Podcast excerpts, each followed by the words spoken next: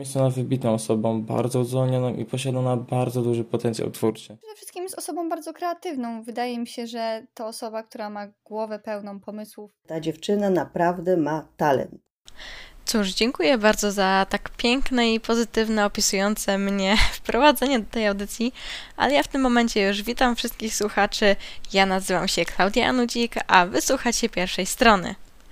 To, co usłyszeliście na samym początku tej audycji, to były głosy bliskich mi osób, które poprosiłam, żeby wypowiedziały się w jakiś sposób na temat mój i mojej twórczości, mojego pisania. Od razu ostrzegam, że cała ta audycja może troszeczkę przepływać w takiej atmosferze słodkości, słodzenia i delikatnego zachwytu nad moją osobą. Więc jeśli komuś to nie przeszkadza, zapraszam serdecznie do słuchania dalszego ciągu.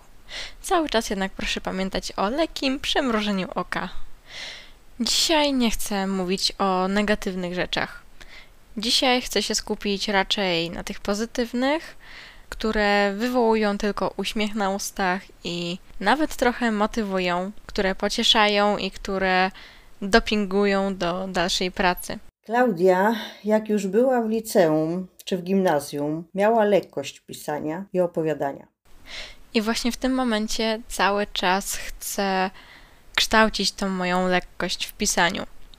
Im więcej czasu poświęcę na pisanie całej tej książki, na pisanie opowiadań na konkursy, tym bardziej będę udoskonalać swoje umiejętności, które moim zdaniem cały czas i tak nie są dość wystarczające. Nigdy co prawda nie uzyskałam żadnej opinii od specjalisty. Może to równie dobrze wynikać z bardzo samokrytycznego myślenia, może też trochę z niepewności co do swoich umiejętności, co do samego siebie, albo też ze zwyczajnej ambicji, która prowadzi mnie dalej. Ale fakt faktem jest, że no moim zdaniem nie jestem jeszcze na zadowalającym, odpowiadającym mi poziomie i no szczerze mówiąc wydaje mi się, że jeszcze bardzo długa droga przede mną, żeby jakiś ten poziom uzyskać.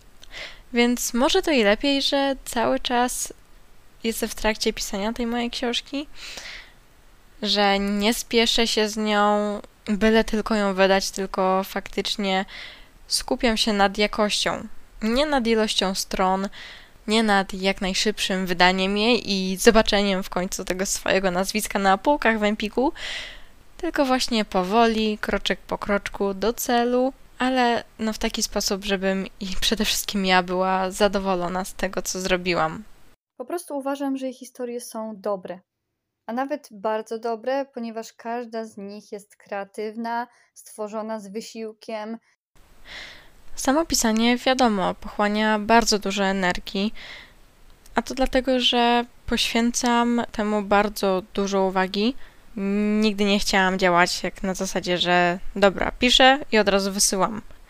Być może traktuję to trochę, nie chcę powiedzieć, że zbyt poważnie, bo jednak takie przedsięwzięcie trzeba traktować poważnie, ale być może za bardzo przywiązuje się do tego wszystkiego, zbyt dużą uwagę przywiązuje do no, nawet takich pierdół, które nie są na, e, rzeczą nadrzędną. Być może powinnam traktować tą książkę trochę bardziej tak typowo jak produkt, który ma być dobry, ma się spodobać, no ale mam oczywiście być ja zadowolona z niego, ale no przede wszystkim czytelnicy, bo no wiadomo, po co komu jakakolwiek książka, skoro, skoro nie będzie jej komu czytać. Historia, żeby żyła, musi być czytana.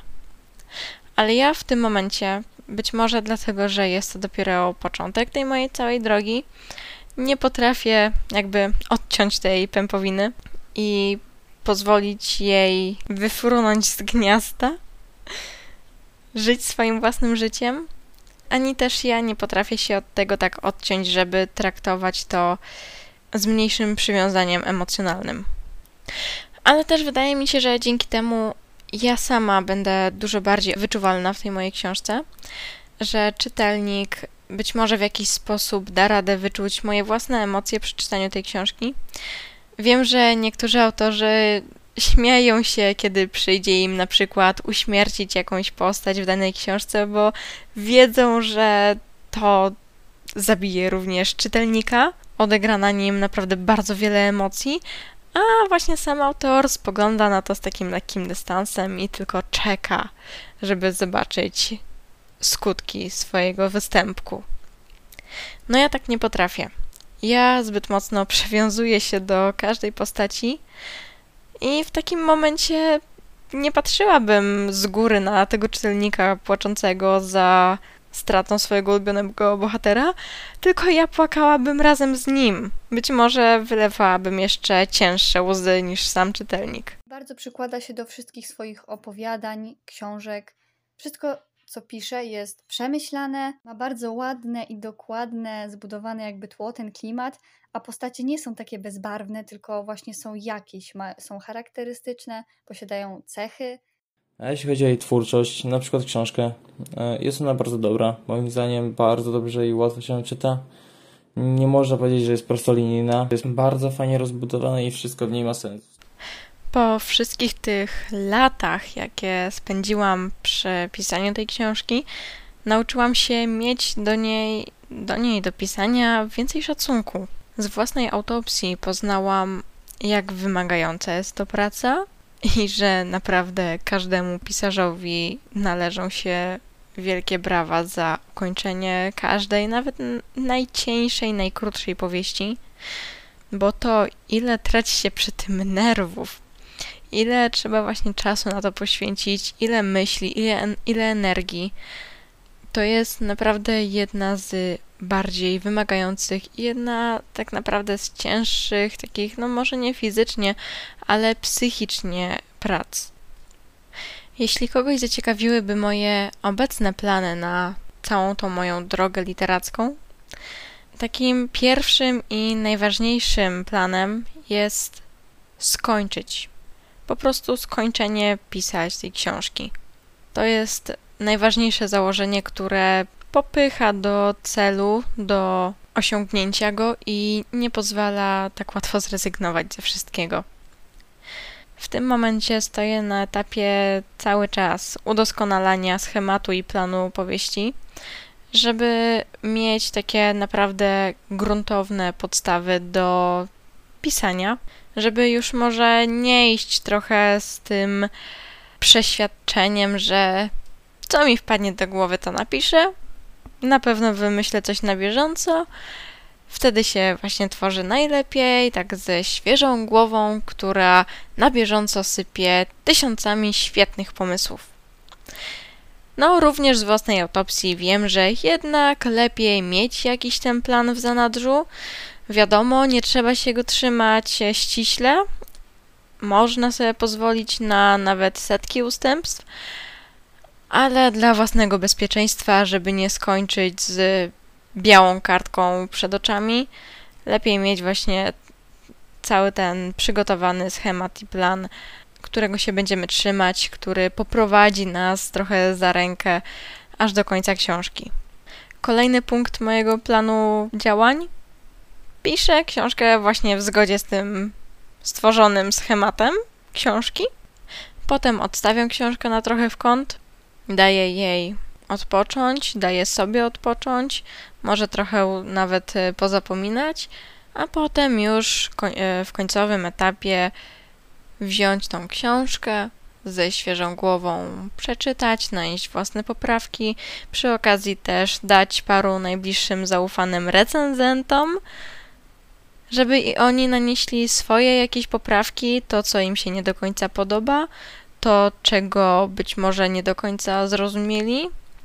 No a potem redakcja, redakcja i jeszcze raz redakcja, jeszcze tak do męczącej śmierci. Być może do momentu, kiedy ta książka w końcu mi tak obrzydnie, że faktycznie będę się w, w stanie od niej odciąć, co poskutkuje tym, że faktycznie będę w stanie uśmiercić tego głównego bohatera, który przysporzył mi tak wielu emocji, tak bardzo nie chciałam się go pozbywać, ale jednak to zrobię, bo to przysporzy wielu emocji czytelnikom. Także mój obecny plan na napisanie książki jest planem bardzo prostym, ale chyba też najlepszym z możliwych. Nie będę i nie chcę zakładać sobie żadnych założeń, że skończę książkę do końca studiów, albo że za dwa lata o tej porze będę już pracować nad kolejną książką, nad kolejną częścią i w międzyczasie już będę tworzyła strategię marketingową na promocję tej aktualnej książki. Od takich założeń chcę się teraz trzymać z daleka. Bardziej chcę się skupić na tym, co jest i no, żeby po prostu skończyć pisać. A co będzie za dwa czy pięć lat? Zobaczymy dopiero wtedy. Według mnie ma dużą wiedzę na tematy, na które pisze. Jeśli poruszę jakiś temat, w którym nie jest do końca obeznana, robi na początku research, sprawdza, z czym to się je, jak to tak naprawdę wygląda, żeby też w swoim opowiadaniu nie wprowadzić kogoś w błąd albo też nie napisać źle. Więc y, bardzo to doceniam, że też sprawdza takie informacje. Fikcja literacka zezwala na bardzo wiele ustępstw od rzeczywistości. Jednak, no, moim zdaniem, niektóre przynajmniej e, te podstawowe zasady powinny trzymać się realnych zasad, a tym bardziej jeśli piszę akurat o czymś bardziej właśnie rzeczywistym, kiedy nie jest to opowiadanie czy książka, no, załóżmy opowiadanie raczej typowo fantastyczne. Przykładowo, piszę opowiadanie z gatunku science fantasy. Dobra, no jest y, to ten element fantazy, ale jest też element science. Ja na nauce, y, na takich terminach mm, medycznych, naukowych nie znam się wcale, ale żeby jednak y, ten aspekt naukowy nie odbiegał aż tak od rzeczywistości, staram się, no przynajmniej w minimalnym stopniu, zrozumieć dane pojęcie, zrozumieć o co tu chodzi, a potem ewentualnie przerobić je tak, żeby pasowało się w ramy mojej, e, mojego opowiadania, w ramy fantastyczne. Przede wszystkim fajne jest to, że Klaudia jest otwarta na konstruktywną krytykę. Za każdym razem, kiedy mi coś wysyła, prosi, żebym jej powiedziała, czy wszystko jest ok, czy może bym coś zmieniła, albo czy jest gdzieś jakiś błąd. Więc to jest bardzo fajne, że jest taka otwarta na opinie innych ludzi. Potrafi z jednej małej myśli, historyjki zrobić krótkie, ale bardzo interesujące opowiadanie, które nas po prostu wciąga e, i chce ja się czytać kolejny raz i nie ma w tym znudzenia. Podziwiam ją i jestem z niej bardzo dumna, z tego jak sobie radzi. Podjęła się pisania książki, a to według mnie duże wyzwanie. No ale nie dla niej. Patrzę z podziwem, jak dużo zapału jest w niej, żeby pisać i tworzyć. Ma ogrom pomysłów już na kolejne książki. Zaskoczyło mnie to, że, że pisząc cały czas w jednym gatunku można stworzyć tak wiele różnorodnych i kreatywnych, uważam, historii. Bardzo mi się one spodobały. A ja mam nadzieję, że Wam spodobał się ten typ audycji. Robię coś takiego pierwszy raz, ale stwierdziłam, że no takim ciekawym pomysłem będzie przedstawienie Wam, jak moje bliskie otoczenie odbiera mnie. Dzięki temu mogę przybliżyć Wam się jako ja, jako ta twórczyni w cudzysłowie. Możecie mnie lepiej poznać, a tym samym może też zachęcić się do kibicowania mi w tej bardzo długiej, ale jakże satysfakcjonującej drodze ku stworzeniu tej własnej książki i no być może kiedyś faktycznie wydaniu jej. Wiem, że ta audycja jest dosyć krótka, zdecydowanie najkrótsza ze wszystkich, które do tej pory wyszły, a przypominam, że ukazało się ich już 50, właśnie słuchacie 51 audycji. Ale w końcu, ile można słodzić i słuchać tyle dobrego o sobie samym, prawda? Nie no, ale muszę wam powiedzieć, że autentycznie łezka wokół zakręciła się, kiedy słuchałam tych wszystkich dobrych i ciepłych rzeczy na mój temat, na temat mojej twórczości. Szczególnie kiedy słyszałam słowa swojej mamy. Mimo to, że no, u mnie w domu panują naprawdę dobre i ciepłe relacje, to jednak takich słów nie słyszy się często. Jasne, to wszystko jest wyczuwalne, ale jednak co innego jest e, wyczuwać to, a inaczej jest jednak o tym usłyszeć. Wierzę w nią ma ogromny potencjał. Chyba nie tylko mi się zakręciła łezka wokół, kiedy to słyszałam. Ale w każdym razie ja Wam już bardzo dziękuję za wysłuchanie tej audycji, za spędzanie ze mną tych kilkunastu minut. Jak zwykle mam nadzieję, że spędziliście je bardzo przyjemnie, w miłej atmosferze. Ja jak zwykle bawiłam się bardzo dobrze, mogąc pogadać trochę do Was.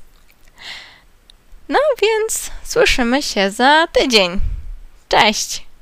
Oczywiście życzę jej jak najlepiej i przewiduję, że jej się uda. Mocno trzymam za nią kciuki.